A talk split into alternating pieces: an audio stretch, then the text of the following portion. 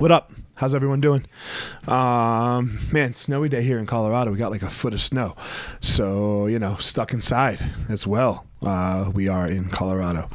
So, uh, what I wanted to get at today was, man, um, I'm going to use, you guys know how I am. I, I get, I'm an evangelical about what it is that I'm doing. So, Peloton when I first got my Peloton, all excited, right? Like, kid on Christmas, boom, riding it. Don't don't even care about anything, like how I'm doing, yada yada. You know, doing well just because it's good. You know, I, I liked doing it.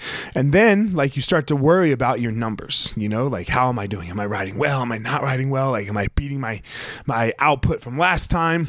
And you know, for a little bit, you do. And then I started to dip.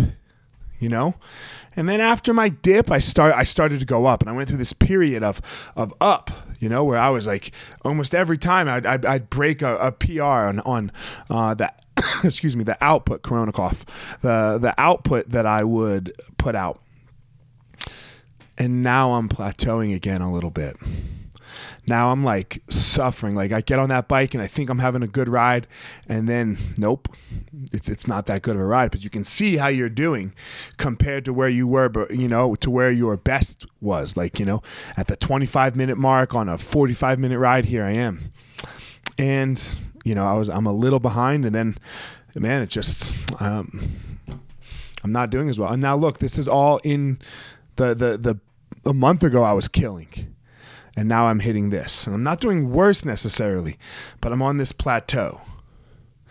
We don't like plateaus, do we?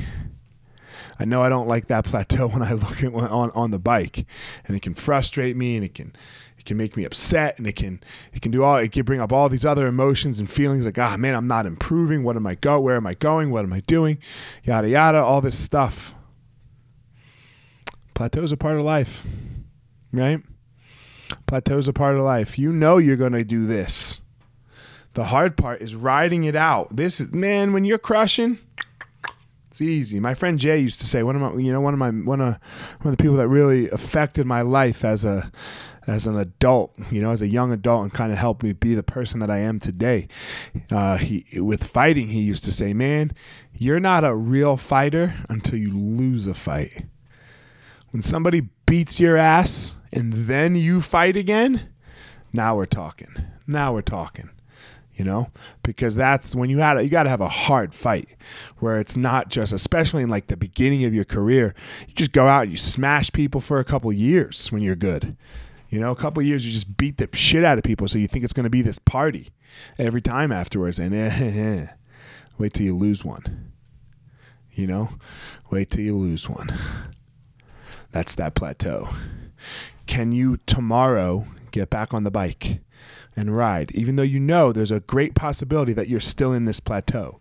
You don't know when it ends. You don't know when you get out of it, but you will. That that's where the champions are made. That's where that's where that's where strength is forged. Right? When you can just keep going, keep showing up day after day after day, no matter what no matter what. You walk in the door, you keep showing up for the work that has to be done. That's where you're going to find your power.